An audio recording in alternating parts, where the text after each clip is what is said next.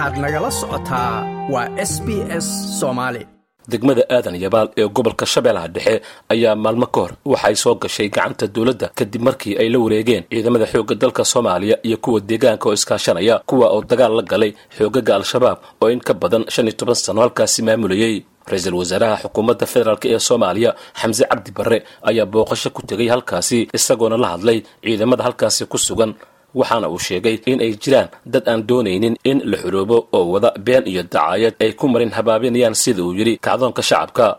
Ma aha siday dadka qaarkood sheegayaan oo dadka raba inaan la xoroobin oo dadka raba cadowga inaan laga adkaanin ee meelaha ka sheeg sheega waa qabaa'ilo way isku dhacayaan isbaaray dhiganayaan waa laga tegi doonaa. Sheekadaas ma jirto. Waxaad muujiseen inay beentoo tahay. Soo halkan aadan yabaal ma aha soo maydaan maxaas iyo kor iyo ka imaanin maxaan ku dhahaa iyo fayrfayr soo maxaas away marka isku dhicii iyo isbaaradii iyo waysdilayaan iyo waa reero kala duwan iyo wixii away waa beentood. Inaan waxba ka jirin bay kutusinaysaa ujeedku waxaa weeye in laydin dhaho xoroobina. Waa brobagandada khawaarijta iyo cadowga waaye ha in la kala qaybiyo oo dadka deedna laysku diro walaalaha oo la kala xukumo. Oo la yidhaha intan anaa haysana adna intan ii hayso. Waxaad muujiseen inay beentoo tahay. Waxaad tusteen haddeertaan ood ayaga hadda si rasmi ay u arki doonaan waxay sheegayan waxba ka jirin waxay yidhaahdeen dawladdu hubbay qaybinaysaa dawlada beelay siinaysaa beel bay beel kala dilaysaa. Annaga hubkan ma idin kaale mise annaga idin qaybin. Hubkiinni waaye hubkiinni waaye. Lafihiinni baad hubkiinni baad wadataan lafihiinni baad ku dagaalamaysaan. Annagu keliya saraakiishaas oo idin hoggaamisa idin ilaalisa idinla shaqaysa idinla seexata ayaa idin joogta. Da ahaan waxaan u malaynayaa de hadda sheeg waa la qarine yani maxaan ku dhahaa jenaraal biixi waad u jeeddaan haddana kaneecadaanu dhex seexdaa intii dagaalku socdayna markhaati baa ka tihin waa idinla joogay waa idinla socday marka sidaasay dawladdu ayay idin hawadinaysaa laakiin waxay sheegayaan waxba kama jiraan inay beentoo tahayna. Taariikhdaa tustay inay beentoo tahay. Sidaa darteed waan guulaysannay guushana idinkaa horseed u ah. Mar haddaad xorriyad ku fadhidaan mar haddaad karaamadiinna ku fadhidaan asay idinkoo keligiinna oo aan ajnabi idin dhex joogin oo aan isdagaalamaynin oo walaalo ah oo soomaaliya mar haddaad fadhidaan oo diyaar u ah dalkiinna inaad xoraysaan dhanka kale wasiir ku-xigeenka wasaaradda warfaafinta xukuumadda soomaaliya cabdiraxmaan yuusuf alcadaala ayaa ka warbixiyey howlgalladii ay sameeyeen ciidamada dowladda oo kaashanaya kuwa caalamiga ah kaasi oo sida uu sheegay guulo laga gaaray wasiir ku-xigeenka oo shir jaraa'id ku qabtay magaalada muqdisho ayaa sheegay in howlgalkaasi oo ka dhacay deegaan ka tirsan gobolka shabeellaha dhexe lagu dilay ciidamo fara badan oo ka tirsan xarakada shabaab sida uu yidhi. Waxaan jeclahay inaan faahfaahin ka bixiyo howlgal si aadha loo qorsheeyey oo afartan iyo siddeeddii saac ee la soo dhaafay ka socday deegaanka lagu magacaabo juxaay oo ka tirsan gobolka shabeellaha dhexe ee hoos tagtana magaalada guullane halkaasoo ah dhul hawd ah oo maleeshiyaadka khawaarijta ahaa ee maalmihii la soo dhaafay qaybo badan oo ka mid a gobolka shabeellaha dhexe laga cayriyey muxuu ahaa ay isku uruursanayeen dhulka hawdka ah oo isku dayayeen in ay isku qariyaan.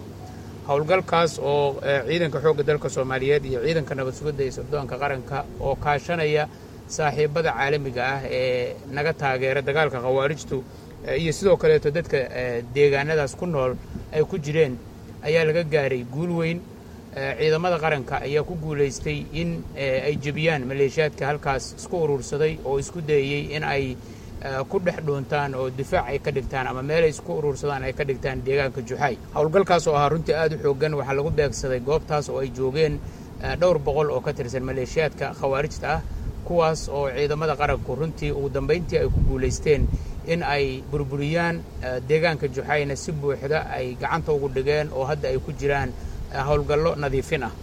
Inta uu socday howlgalkaas ciidanka qaranku waxa ay runtii jab aad iyo aad u weyn gaarsiiyeen maleeshiyaadkii khawaarijta ahaa ee halkaas ku jiray. Siddeetan iyo siddeed ka mid a maleeshiyaadka ayaa la xaqiijiyey geeridooda in halkaas ay ku dhinteen kuwaas oo meydadkooda hadda ay ku howlan yihiin ciidamadu in ay soo ururiyaan. Waxaa runtii meydadku ay isugu jiraan qaar la arki karo oo la aqoonsan karo oo ilaa hadda soddon iyo laba ka mida ciidamadu ay ku ururiyeen goob gaar ah oo loogu talagalay. Waxaa kaloo ciidamadu ay dhulka hawdka ah oo runtii dhul yaro ballaaran ah ay ka ururinayaan. Ilaa hadda oo ay ku jiraan inay ururiyaan meydadka kaleeto oo qaar badan oo ka mida runtii aanay suurtagal ahayn in la aqoonsado. Waxaa kaloo jira dhaawacyo fara badan oo soo gaaray maleeshiyaadka khawaarijta ahaa oo meesha ay ku sugnaayeen ay ahayd meel hawda oo go'doon ah. Wasiir ku-xigeenka waxa uu sidoo kale sheegay in deegaankaasi uu yahay mid muhiim u ah dowladda federaalk ee soomaaliya. Ayna halkaasi kula wareegeen saanad militari oo fara badan isagoona khasaaraha dhanka dowladda ka soo gaaray howlgalkaasi ku sheegay hal askari oo geeriyooday iyo afar kale oo dhaawac ah. Marka waxaan xaqiijin karnaa geeridaas khawaarijta soo gaartay iyo in hadda si buuxda deegaankaas ciidanku ay gacanta ugu hayaan oo uu ka socdo howlgal nadiifin ah iyo in dhaawacyadooda iyo meydadkooda khawaarijta laga soo hoos ururiyo dhulka geedaha ah ee ay ku hoos dhuumanayaan ama ay ku hoos dhinteen. Waxaa kaloo runtii ilaahay mahaddiis ciidanka qaranku ay ku guulaysteen oo halkaa ay kula wareegeen saanad ciidan oo iyo hub runtii kala duwan oo nuucyo kala duwan leh kaasoo boqolaal gaaraya isla markaana hadda ciidanka qaranku ay muxuu ahaa gacanta ku hayaan. Hubkaasoo ah kii khawaarijtu ay u adeegsanaysay in ay dadka soomaaliyeed ku soo weerarto oo ay ku waxyeelayso deegaankaas waxa uu ahaa runtii deegaan istraatiiji ah oo muhiim u ah xasiloonida gobolka shabeellaha dhexe iyo gobolka hiiraan iyo dhammaystirka howlgalka khawaarijta looga nadiifinayo hirshabeelle oo runtii meel fiican maraya gaar ahaan gobolka shabeellaha dhexe.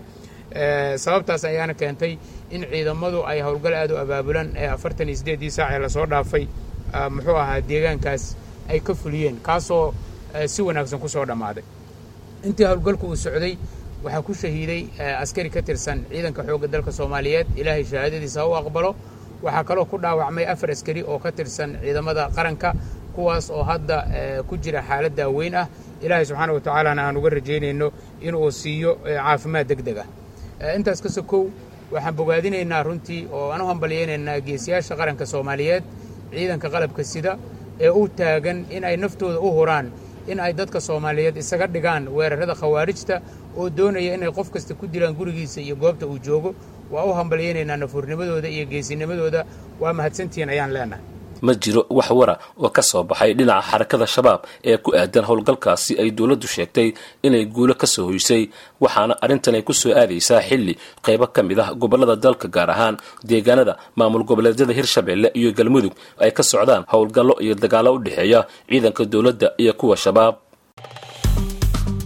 Like aas la wadaag wax ka dheh lana soco barta facebooka ee sb soomaali